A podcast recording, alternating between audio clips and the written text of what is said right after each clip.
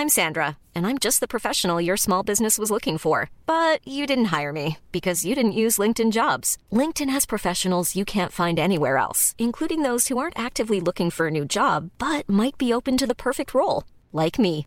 In a given month, over 70% of LinkedIn users don't visit other leading job sites. So if you're not looking on LinkedIn, you'll miss out on great candidates like Sandra. Start hiring professionals like a professional. Post your free job on linkedin.com/people today.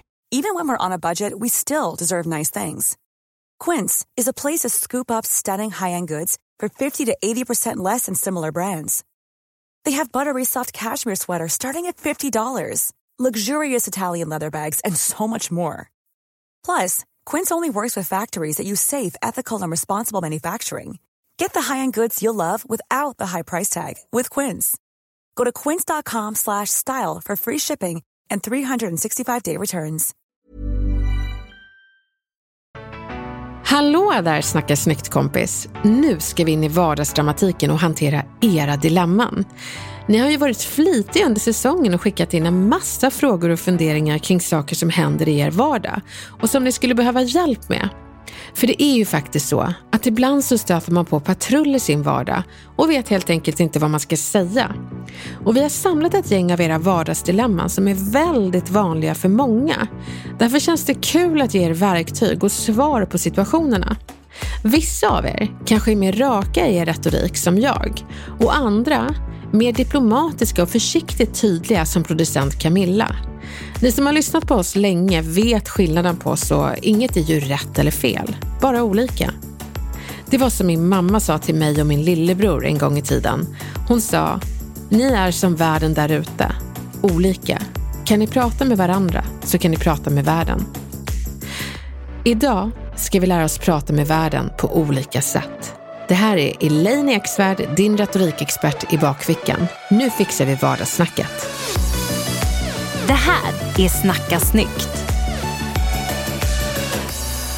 Camilla, kan inte du plocka fram den här frågan om den där, eh, hon som är kompis med sin chef? Jo, Den var så himla bra. den ska jag plocka fram. Den har jag här. Jag läser då. Ja. Det här är alltså från Anonym som är vän med sin chef. Eh, hon är vän med sin chef rent privat men på jobbet så är, är ju chefen chef. Eh, och dessvärre kanske inte världens bästa chef. Det gör det hela lite mer komplicerat. Hon skriver så här. När vi träffas som kompisar så pratar hon ofta skit om våra kollegor, bollar chefsproblem och slätar över saker hon inte skött så snyggt. Mot mig till exempel, på jobbet. Detta går ut över vår privata relation och vår jobbrelation blir ju inte heller så himla bra, vilket inte är hållbart. Jag tycker det är så svårt att veta vad jag ska säga och när. Gud vad svårt. Vad tänker du Camilla? Nej, men den är ju jätteklurig. Jag tänker att eh, själva förutsättningen att vara eh, privat vän med sin chef är svår nog. Om chefen dessutom inte är en bra chef eh, så blir ju det här liksom dubbelt så svårt. Ja, och dubbelt så svårt också. Det här med att ha dubbla roller, att du både är en chef men också en kompis. Och det här med att chefen pratar illa om andra kollegor till sin då kompis blir ju att man skapar lite osäkerhet för den här kompisen är ju samtidigt en kollega. Och då är ju frågan, vad är det hon behöver hjälp med i det här läget? Är det att prata med sin kompis eller är det att prata med chefen? Vad ska hon göra? Vad ska hon säga? Jag tycker att det är någonting på spåren där Camilla, bara det att jag tänker att du inte behöver välja. Man behöver inte välja att prata som kompis eller kollega, utan nu har ni ju dubbla roller så det gäller att prata med båda de här rollerna vid samma tillfälle. Så en bra timing är att säga det när ni har en trevlig stämning. Jag hoppas att ni fortfarande har sådana stämningar. Och så kan du visa förståelse först och sen så dra en gräns. Att du säger det att jag förstår att du pratar om våra kollegor när vi är i privata sammanhang, för du och jag är ju vänner. Men jag vill också att du ska förstå att det skapar en osäkerhet hos mig, för likväl som jag är din vän så är jag också en kollega. Så då kan inte jag låta bli att undra om du kanske pratar om mig. Så det blir lite dubbla stolar och jag har ett förslag på hur vi kan lösa det här och det är att när du och jag är vänner, så är vi bara vänner och pratar inte jobb. Vi pratar inte om andra kollegor utan vi kan prata om andra saker. Och sen på jobbet så är vi chef och kollega. Tror du att vi skulle kunna hålla isär det här? Den frågan tycker jag att du ska ställa. Prata om era roller, adressera problematiken och ge ett förslag. Ja, men det tycker jag låter jättebra och det låter inte heller så läskigt. För det är ju inte så att du någonstans säger något farligt. Utan du adresserar bara problematiken och erbjuder en ganska schysst lösning. Ja, vad kul. Skulle du våga säga det själv om du hade en chef som var både kompis och chef? Eh, jag skulle nog vara vidrigt nervös. Eh, men jag tänker också att det finns ingen annan lösning än att lägga upp det här problemet på bordet. För så här som de har det nu funkar ju inte för henne. Nej, alltså jag, Nej. jag håller med. Men samtidigt får man också förstå det.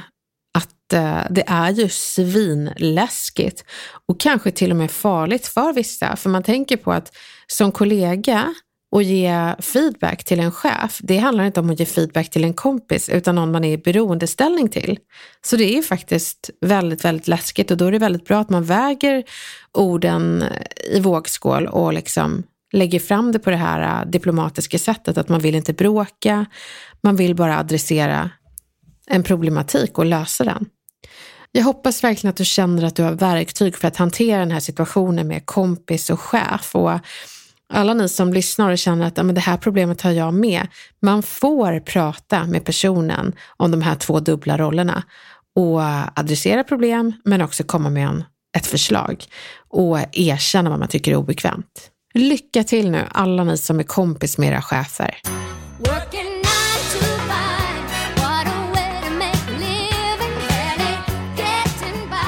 Ska vi fortsätta på chefslinjen, Elin? Det tycker jag verkligen. Vi har nämligen fått ett eh, meddelande från en tjej som skriver så här. Jag har en ny chef som verkar superbra och jag var initialt väldigt imponerad av honom. Men det har visat sig att han snor mina idéer. Först trodde jag det var ett skämt och väntade mig nästan ett äh, jag skojar bara. Men det visade sig vara hans grej. Det kan vara allt från att sno någon bra mening jag har sagt när vi har pratat ihop oss, eller hela idéer. Smickrande ju att mina idéer är så bra. Men de är mina och jag vill att mina kollegor ska veta det. Jobbig sits tycker jag, hur tar jag det här med honom? Gud vad jobbigt när det är en chef. Det är ju tillräckligt jobbigt när det är en kollega. Ibland när idéer snos från folk så kan det vara det att eh, de lyssnar passivt och tänker på någonting annat och hör men lyssnar inte så tror de sig höra liksom, sig själva tänka, det här är min idé. Så, så den kan jag bara ge er, att ibland kan det vara så att chefen är lite halvlyssnande och tror att alla saker du säger är liksom chefens idéer när det egentligen är dina. Men med det sagt så tycker jag ändå att man ska säga någonting.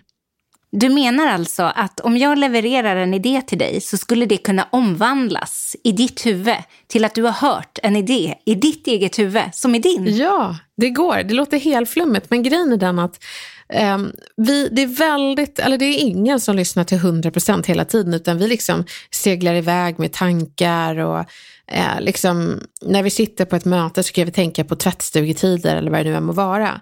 Så jag tror att vi behöver öppna ögonen för det här fenomenet, att vi faktiskt lyssnar passivt och kan tro oss själva eh, liksom har kommit på en idé när det har sagts under tiden vi inte har lyssnat ordentligt på mötet. Men med det sagt så finns det också de som snor idéer på riktigt. Då man har varit två stycken och arbetat fram någonting och chefen presenterade som att det bara vore hans idé. Så det är skillnad på intentioner eh, olyckshändelser. Men oavsett så ska man hantera det på, på samma sätt. Så jag tycker att man ska säga någonting i stil med att du, hur skilde sig din idé från den jag berättade för dig för eh, två dagar sedan när vi satt på ditt kontor? Oj, och det säger hon till chefen alltså? Ja, man frågar nyfiket.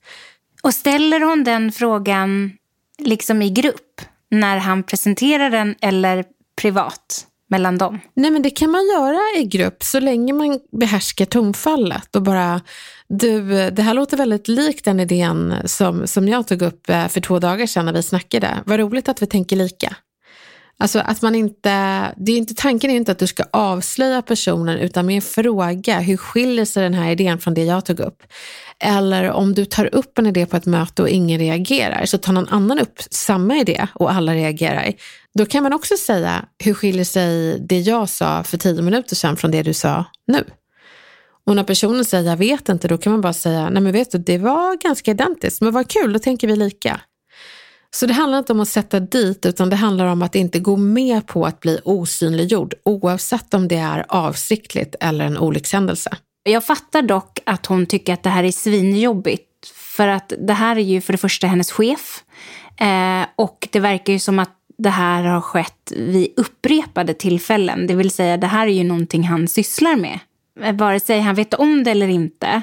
Då behöver hon ju synliggöra problemet och också se till att det liksom inte sker. Precis, och då finns det två vägar att gå. Uh, och det, den ena vägen det är att känner du att du har tillit till din chef så kan du prata med chefen och säga det att jag tror inte att du är medveten om det här men jag har märkt att några gånger när jag tagit upp idéer för dig så har du tagit upp dem vid andra möten utan att adressera att det var jag som tog upp idén från början.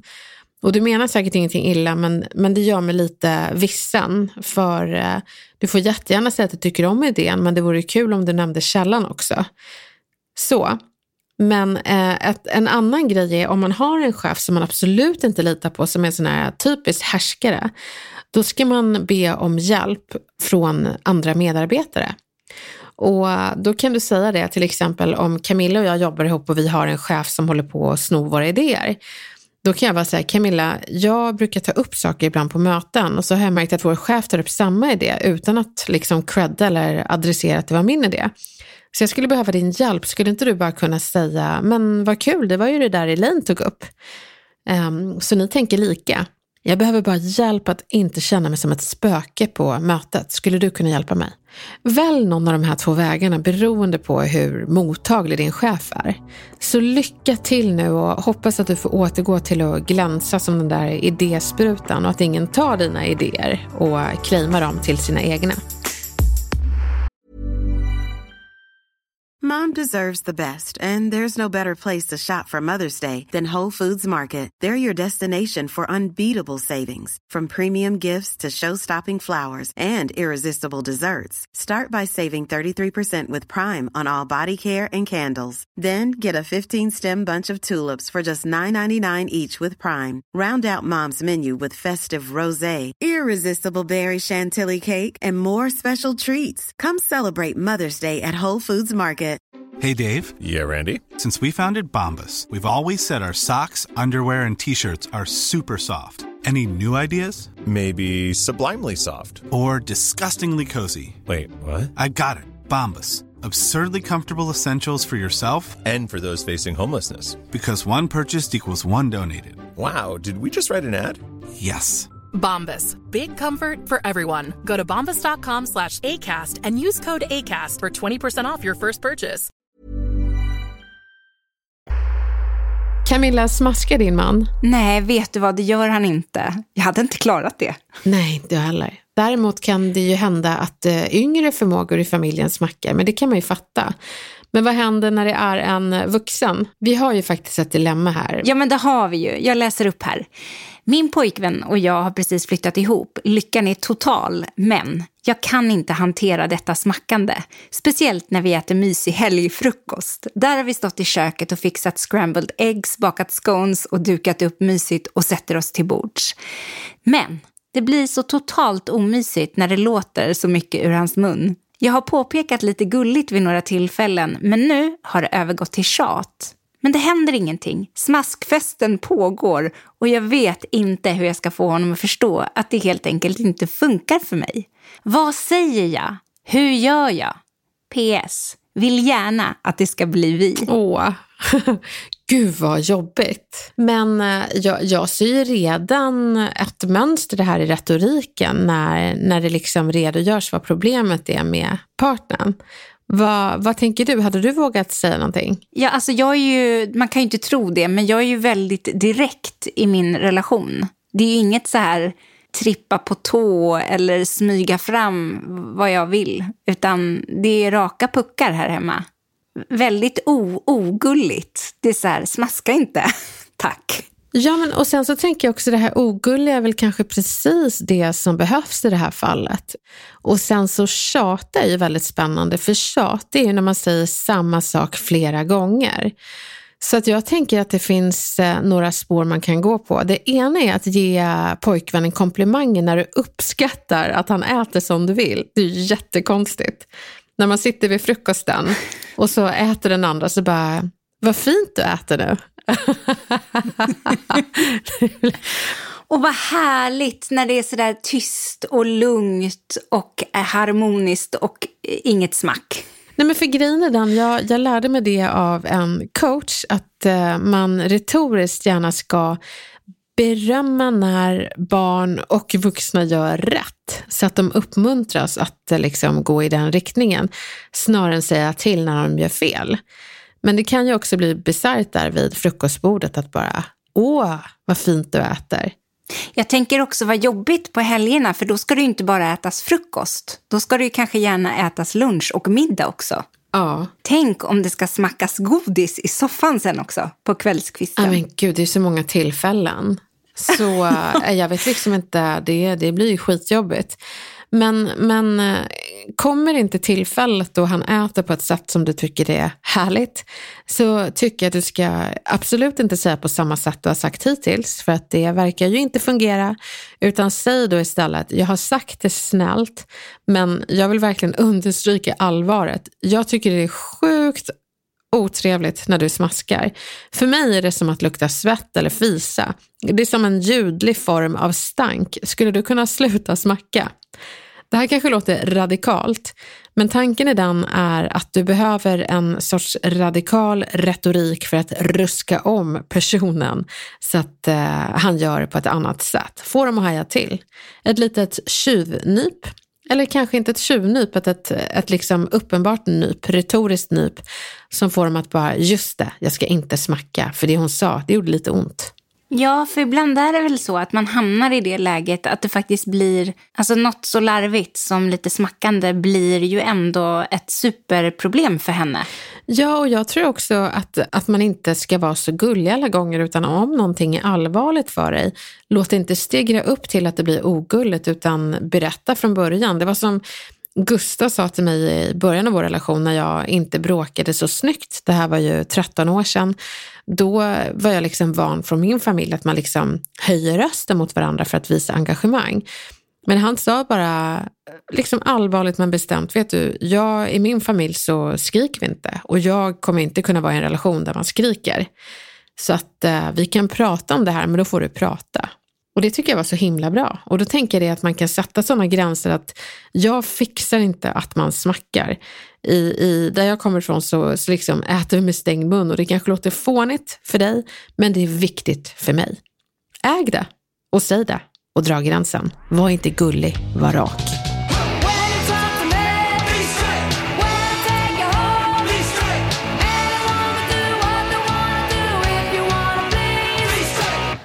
När vi ändå är inne på temat parrelationer så har vi en kvinna här som har skrivit till oss och berättat att hennes man har börjat snarka väldigt kraftigt på senare år och det verkar ha blivit ett känsligt ämne där hemma. Hon skriver att jag har påpekat det här och bett honom ta tag i det på olika sätt, men det verkar som det går in genom ena örat och ut genom det andra. Jag har sagt att det skadar min sömn, att jag är orolig för honom, att han borde kolla upp det. Jag har till och med googlat fram olika metoder och visat honom att det finns alternativ att pröva. Men han sticker huvudet i sanden och snarkar loss. Jag undrar kort och gott om det finns något retoriskt knep att ta till. Mm. Det här var ju spännande Camilla. Jag, jag vet inte hur du gör, men när om Gustav snarkar så då buffar man ju till människan. Men det är inte sådana här stora snarkproblem. Hur gör du? Snarkar ni? Ja men alltså gud, jag kan absolut känna igen mig. Eh, inte, inte riktigt på den här nivån, men vi har lite den problematiken här hemma. Jaså? Eh, jag älskar min man, men det snarkas en del. Okej. Okay. gör det faktiskt. Eh, och det buffas också ganska mycket. Men så här, har jag buffat på honom ett par, tre gånger, då fattar han att okej, okay, men det här funkar inte i natt. Eh, och då kliver han faktiskt upp och lägger sig på soffan Eh, och då kan jag ju sova helt ostört. Så att vi, jag kan ju inte säga att vi har löst eh, snarkproblematiken, men vi har löst eh, logistiken. Ja, men det är väl jättebra. Jag tycker det är viktigt att man säger att tänker du inte ta tag i dina snarkproblem så behöver vi ta tag i logistiken. Så jag tycker det du gjorde Camilla är en jättebra grej. Att han liksom kliver upp och lägger sig i soffan.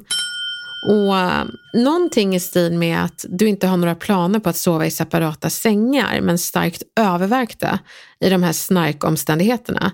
Och det kanske inte är en jätterolig relation att ha i den här åldern att man har separata sovrum. Men om du får välja så vill du gärna sova om inte han vill lösa problemet. Och ett tredje man kan ha, det är också bara att presentera ett dilemma. Att du säger det. Antingen så löser du din snarkningsproblematik eller så är logistiken att du sover i soffan och vi vadderar väggarna. Det är väldigt viktigt att man understryker allvaret och dessutom liksom, eh, presenterar två alternativ. Eh, så. Jag, jag noterade ju nu att du går väldigt mycket ner i ton så fort du blir liksom allvarlig. Eh, och jag såg också att du sänkte hakan. Gjorde du det? Ja. Vad roligt. Alltså det, ja, men det, det, är ju, det är precis det, Camilla, det du säger Camilla. Det är för att folk ska tro på det du säger så är det viktigt att man går ner i ton i slutet av meningen för då låter det som ett påstående, allvarligt och det är punkt. Istället för att gå upp i ton och säga du, jag tänkte på din snarkning och eh, jag har ett förslag. Vad sägs om de här två alternativen? Det blir liksom frågor. Så det är bättre att man bara säger, du det finns två alternativ, du sover i soffan eller du löser snarket. Valet är ditt, men lös det. Tills dess är sängen min.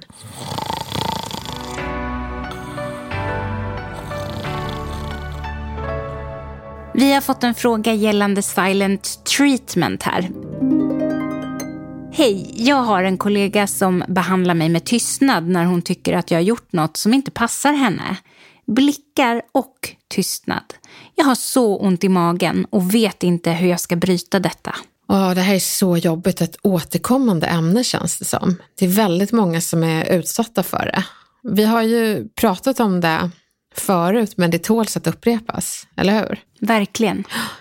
Och um, jag tänker det, vi, dels så har vi ett helt avsnitt som heter just uh, hur så hanterar du silent treatment. Men ett bara superbra tips att ha med sig just nu det är att du jämför personens tidigare beteende som var behagligt mot hur det har blivit nu. Säg att du ser det och fråga också personen vad som är fel, om det är någonting du har gjort som du skulle behöva veta. Eller om personen kanske bara mår dåligt. Ibland kan det vara så enkelt att det inte har med dig att göra. Så mm, det sammanfattande rådet är egentligen att våga fråga och våga berätta att det märks att personen är annorlunda mot dig. Det är jätteviktigt. Istället för att stanna kvar i det här magontet som du beskriver att du har och liksom förväntansångesten, den är väldigt vanlig. Så ta den här smärtan från magen och formulera den till en fråga. Vad har hänt? Har jag gjort någonting? Mår du bra? Berätta, för jag märker att du inte är som förr. Om vi nu pratar om en person som har eh, varit så här mot den egentligen hela tiden. Det finns egentligen ingen skillnad utan det är ett sätt att härska på helt enkelt. Ja. Eh, vad, vad kan man göra då? Då tycker jag att man framförallt ska prata med chefen. För om det är en person som liksom förnekar att nej men det är ingenting och man märker att det här är ett genomgående beteende. Då tycker jag att du ska säga att jag tycker att den här personen inte liksom är trevlig mot oss utan man vet liksom inte när man ska hälsa eller om någonting är fel. Jag undrar hur den här personen mår. Och jag som kollega når inte fram. Så jag tänkte fråga om du som chef har märkt någonting och om du kanske kan nå fram.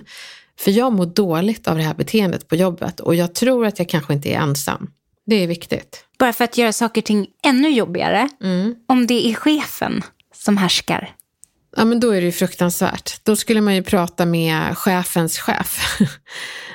um, alternativt fråga chefen, du, är det någonting jag har gjort? Jag märkt att du inte hälsar på mig eller jag märkt att du inte tittar på mig under mötena och jag får väldigt ont i magen av det. Och jag kan ta om det är någonting jag gjort, men jag har svårt att ta det här tysta.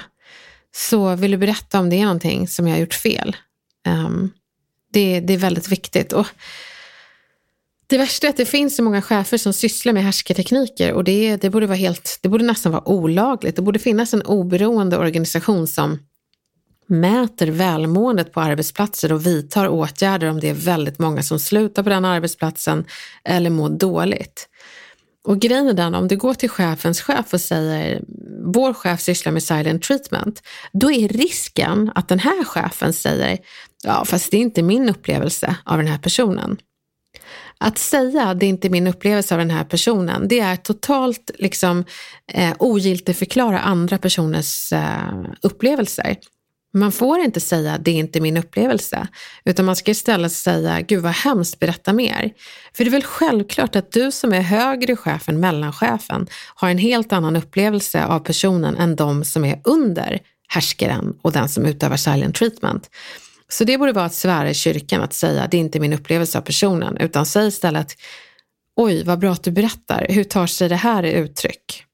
Så om chefen säger det här är inte min upplevelse av personen så ska du säga nej okej okay, jag förstår men nu berättar jag om min och många andras upplevelse av personen och jag hoppas att du tar de upplevelser på stort allvar. Men att gå in i ett sånt här samtal med någon som utövar silent treatment är ju skitjobbigt. Alltså rent ut sagt. Och superstressande. Men jag tänker också för hennes skull här nu att ha ont i magen på jobbet är nog ännu värre. Så att, att göra något åt situationen kommer vara mindre ont i magen än att ha det som det är nu. Helt rätt Camilla. Jag kunde faktiskt inte sammanfatta det bättre.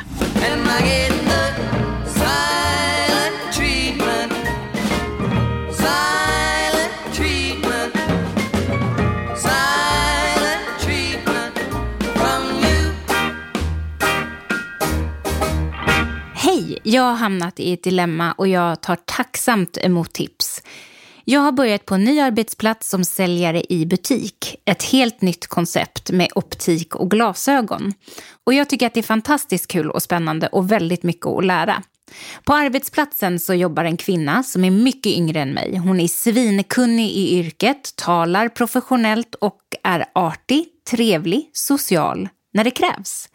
Men mot mig är hon iskall och har varit det sedan första stund. Det lyser om henne att hon inte vill hjälpa mig alls. Jag tappar ord och blir obekväm i hennes närvaro på grund av det här. Och jag vet inte hur jag ska hantera detta.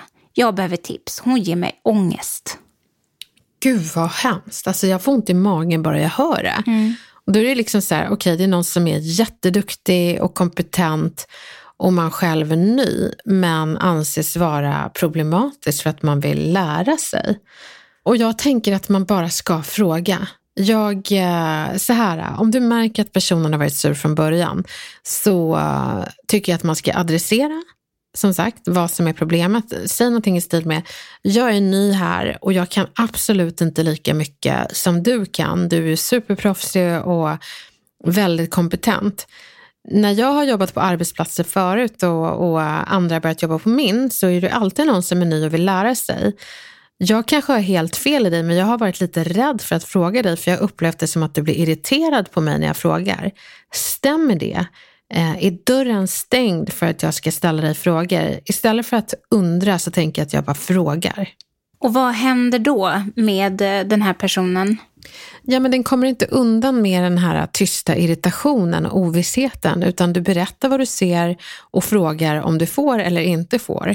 Och om du inte får, då har du ett problem på den arbetsplatsen. Då behöver du liksom hämta kunskap från någon annan. Då behöver du gå högre upp och fråga, jag har det här problemet, jag behöver lära mig, men min kollega blir arg när jag frågar, vad gör jag? Men för att kunna ta det steget behöver du först svar på frågan. Blir du irriterad eller är det okej okay att fråga dig? För att jag är rädd och jag vet inte om jag är det i onödan. Berätta. Det är så jobbigt att bli bemött så av den här kylan. Mm. Eh, att vara ny är ju jobbigt nog. Ja.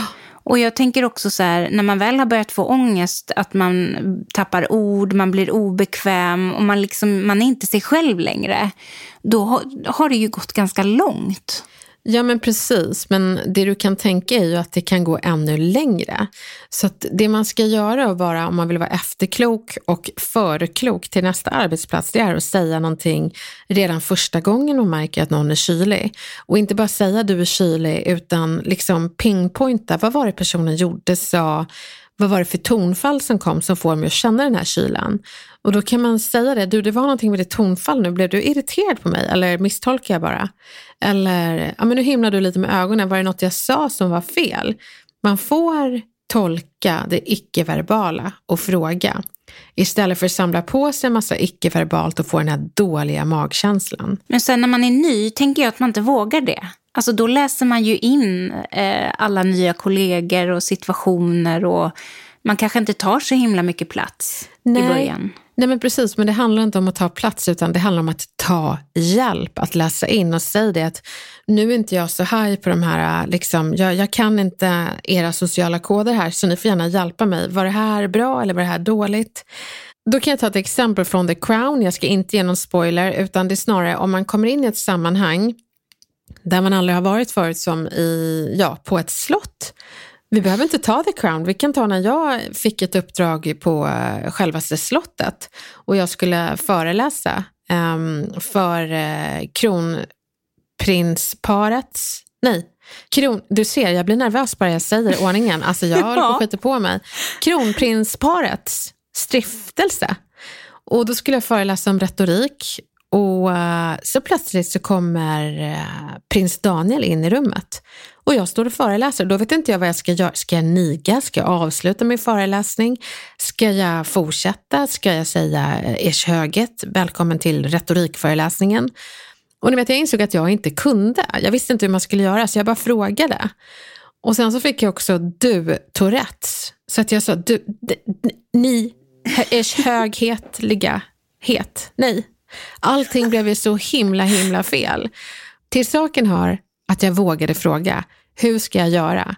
Och prins Daniel var ju så snäll. Han sa bara, vet du vad, slappna av, säg bara så här, det går bra. Så att det kan vara på ett slott, men det kan också vara på en ny arbetsplats. Man får fråga om de sociala koderna. Och om man känner kylan så får man fråga var den kommer ifrån och om man är orsak till den för att inte det ska bli ännu kallare. Våga fråga.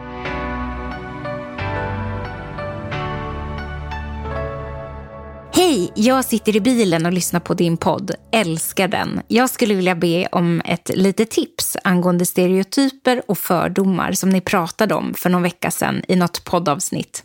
För info så är jag en 14-årig tjej. Det jag skulle vilja ha tips på var nämligen att jag går i en klass med ett gäng machokillar som jag skulle vilja sätta lite på plats. Det är nämligen så att de oftast brukar skämta om kvinnan som ett objekt och en som bara är hemma, lagar mat, tvättar, diskar. Och jag blir så himla trött på detta.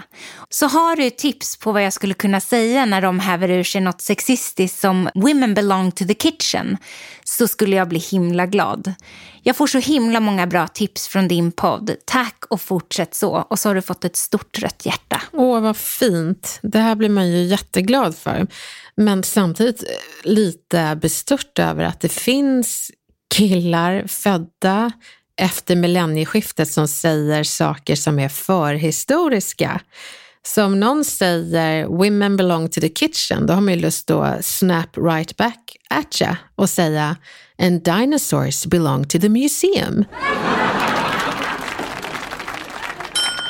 Eller någonting i stil med att jag visste inte att förhistoriska kommentarer kunde nå moderna tider. Jag vet att det finns eh, gammalmodiga män med förlegade kommentarer. Jag visste bara inte att förlegade kommentarer kunde komma från unga killar. Hur gammal är du? Det låter som att du är 153. är jag jätteotrevlig? jag kommer bara med så här snap back at kommentarer.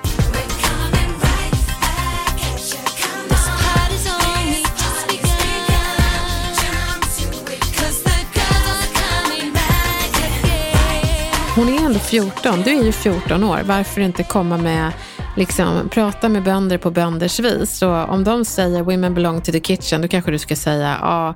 Och eh, liksom värderingar om kvinnor som är 100 år gamla belongs in the history books. Alltså någonting i den stilen. Sen tycker jag att du kan säga någonting omtänksamt ändå, men ändå understryka allvaret. Att du säger någonting i stil med att du är 15 år, men det du säger, det är så 150 år gamla idéer. Var har du fått dem ifrån? Det är ändå 2020 nu. Så att jag, jag tror att man får öva på svar på tal och framöver Sätt dig ner och liksom skriv ner de här tipsen och meningarna som jag ger. Och sen kan du samla på dig fler meningar. Så för varje gång du hör någon sån här äh, sexistisk kommentar som du bara, hur kan man säga så? Se det som din läxa att komma på någonting bra och säga tillbaka som får personen att tänka till. Men, men jag tänker Camilla, du och jag ska testa. Du ska få vara den här killen som säger women belong to the kitchen och så kan jag säga dinosaurs och så ska du få svara vad menar du? För det kan ju vara lite jobbigt när man får den meningen. Ska vi testa då Camilla? Ja, vi testar. Du är killen. Women belong to the kitchen. And dinosaur belongs to the history books. Nej, nej, nej, nej, nej. Vad betyder det? Nej, jag bara härmar dig. Ja, men så kan det ju faktiskt vara att killarna bara, uh. eller typ så vad menar du? Så om du säger så. Vad menar du? Ja, men det jag menar är att det är ganska förhistoriskt att prata som du pratar. Det gjorde man för 150 år sedan. Föddes inte du för 14 år sedan? Eller så eh, tycker faktiskt den här killen att det är så och svarar, ja men eh, det är så. Kvinnans plats eh, är köket. Men det är ju himla läskigt om man svarar så, för då känner jag liksom att herregud, eh, finns det verkligen sådana värderingar bland yngre killar? Alltså, jag vet att det finns män i min ålder och äldre som resonerar så, men när det går till yngre åldrar så blir man lite mörkrädd. Så eh, jag skulle inte skylla det på att det är en tonåring, utan det är någon som har ärvt lite förlegade liksom, åsikter och värderingar om kvinnor. Så då skulle jag säga någonting i stil med att det är väldigt tråkigt att, eh, att vi kvinnor inte är mer för dig än några som ska syssla med verktyg i köket. Och förhoppningsvis så landar det precis så som vi vill att det ska landa. Vi hoppas på det. Och vet du vad, det här kan man också dela med sig av. Du kan ge det till dina tjejkompisar så att ni har ett batteri av svar på tal att ge när det väl gäller. Och då blir det så att man faktiskt dödar de här äh, förhistoriska kommentarerna med nya moderna grepp att sänka dem. Snyggt. Vi har lite problematiska grannar här som jag ska berätta om. Ja, men precis. Här. Våra grannar gillar varandra väldigt mycket och det hörs, så att säga. Jag vet inte om de vet hur lyhört det är i vårt hus och jag vågar inte riktigt knacka på och påtala detta. Hur gör jag? Åh gud, det här kommer jag ihåg. Det var jag med om när jag bodde lite så här sekelskiftslägenhet. Jag hörde för övrigt vår granne snarka under oss. ja, ja. Men det var liksom så här, det var mysigt. Det var det som fick mig att som, somna. Det, det Gud, liksom, så bra. Ja, det kom så här vibrationer. Men sen hörde jag också grannen på första våningen, då var det andra vibrationer. Och det var liksom sex skrik ut på innergården. Och det liksom ekade i fönstren. Det var verkligen, hej, vi gör en, en porrfilm här på Bokvägen i Solna. Tänkte att ni skulle få höra den mellan tagningarna, eller under tagningarna. Jag tänkte att det var en engångsföreteelse. Men det var det inte. Jo, det var det. Men jag tänkte om det inte hade varit det, så hade jag skrivit ett mejl som jag har författat till dig nu. Eller inte ett mejl, jag hade författat en lapp som jag hade lagt lite diskret i grannens eh, brevlåda. Kanske tillsammans med en blomma eller någonting. En liten, en liten blomma. Då hade jag skrivit så här. Hej kära grannar. Jag tror inte att ni är medvetna om att det hörs att ni är väldigt förtjusta i varandra. Hade det inte varit för att vi har barn som försöker sova när era sovrumsljud kommer så hade jag bara skaffat öronproppar. Men jag tänkte göra er medvetna om detta. Varma hälsningar, grannen. Så. Ska man skriva vilken granne man är? Nej, det tycker jag inte. Det blir för kladdigt. Jag tänker bara, gud vad jobbigt att de sen ska gå runt och undra vilken granne det är som har hört. Det tycker jag gott man kan göra, för att då använder man indirekt det så kallade popularitetsargumentet. Man sprider liksom budskapet som att det vore från en, en mindre population i huset. Och då blir trycket större för den här äh, pippa loss-grannen att faktiskt göra någonting åt saken. Och vad ska de nu då göra? Ska de sluta? Eller ska de skaffa eh, munkavel? Skydd. Skydd. Jag tycker, ja, de får väl ha någon ljuddämpande effekt. Ja, kanske det. Att, munkavel är väl jättebra. Det är mycket svårare att skrika via näsan. Mm. Det är mycket, mycket svårare att skrika genom näsan. Så munkavel, lös det bara. Håll inte på att invadera våra öron med era sexljud. Sex är privat, inte allmängods.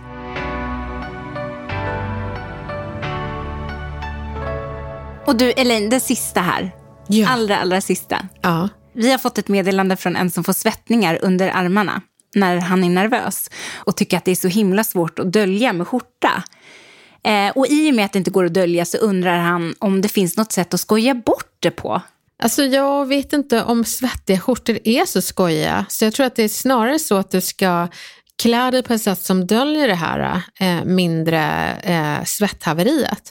Och ett klädtips är att bär aldrig ljusa skjortor för då blir de här tefaten under armarna desto mer eh, markerade. Och sen så ett eh, svettips som eh, en eh, person har delat med mig, det är att man har en t-shirt under skjortan så att det liksom blir ett lager först som fångar upp den här eh, mängden.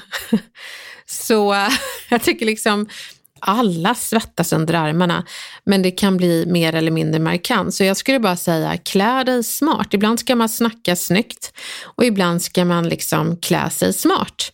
Och då gäller det att utforska, vad är det jag kan ha på mig som gör att det här inte blir lika markant? Och då absolut inte ljusa skjortor och ljusa kläder, för då syns det bättre och det vill vi inte. Och fundera på vad du kan ha på dig som gör att du får lite luftströmmar som gör att det blir mindre sannolikt att svettet syns.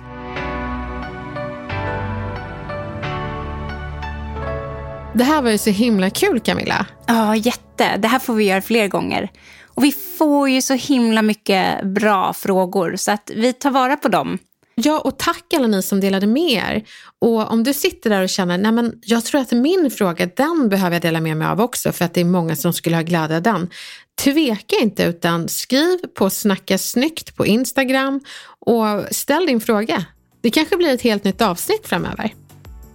Det kommer alltid komma vardagsdilemman i livet och jag tycker det är jättebra att grubbla över dem, men desto bättre att ta tag i dem och hitta sätt att prata sig igenom situationerna.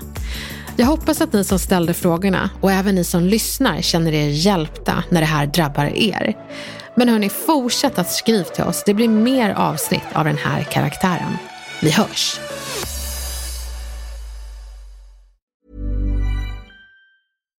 Deserves the best, and there's no better place to shop for Mother's Day than Whole Foods Market. They're your destination for unbeatable savings, from premium gifts to show-stopping flowers and irresistible desserts. Start by saving 33% with Prime on all body care and candles. Then get a 15-stem bunch of tulips for just $9.99 each with Prime. Round out Mom's menu with festive rosé, irresistible berry chantilly cake, and more special treats. Come celebrate Mother's Day at Whole Foods Market. Even when we're on a budget, we still deserve nice things. Quince is a place to scoop up stunning high-end goods for 50 to 80% less than similar brands. They have buttery soft cashmere sweaters starting at $50, luxurious Italian leather bags, and so much more. Plus, Quince only works with factories that use safe, ethical, and responsible manufacturing. Get the high-end goods you'll love without the high price tag with Quince. Go to quince.com/style for free shipping and 365-day returns.